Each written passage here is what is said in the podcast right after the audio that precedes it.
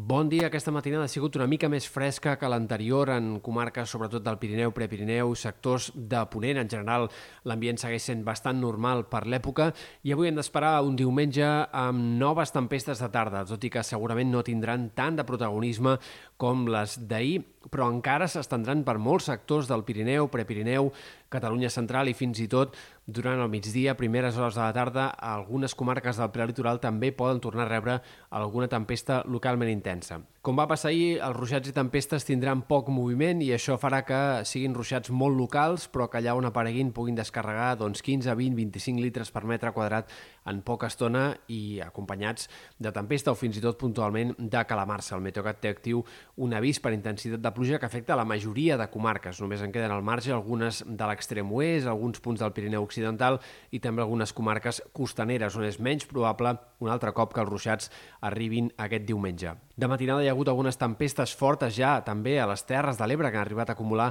més de 50 litres per metre quadrat a l'Aldea, per exemple, o també ruixats destacables al sud de la Costa Brava, mentre 10 i 15 litres per metre quadrat en alguns sectors. De cara a demà, seguirem parlant d'inestabilitat. Cada cop, a mesura que avancin els dies, els ruixats aniran disminuint, aniran sent cada cop menys protagonistes, però encara aquest dilluns les tempestes seguiran afectant, en aquest cas, sobretot sectors del Pirineu, Prepirineu o nord de la Catalunya central,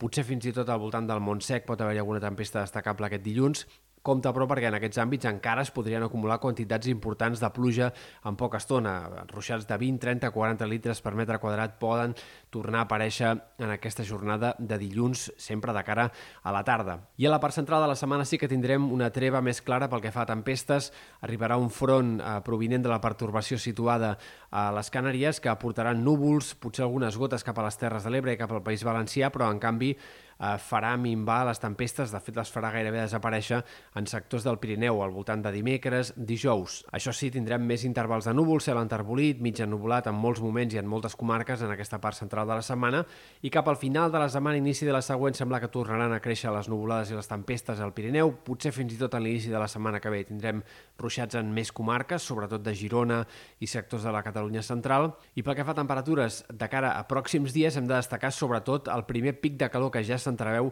als mapes del temps i que arribarà a mesura que vagi avançant la setmana, sobretot al voltant de divendres, dissabte i diumenge. Sembla que seran els dies en què farà més calor. Algunes màximes podrien ja arribar als 35 graus puntualment en sectors de Ponent i en tot cas la bona notícia és que sembla que no serà persistent aquesta primera calorada, sinó que el canvi de temps de l'inici de la següent setmana tornaria a fer baixar el termòmetre com a mínim fins a valors més normals per a l'època.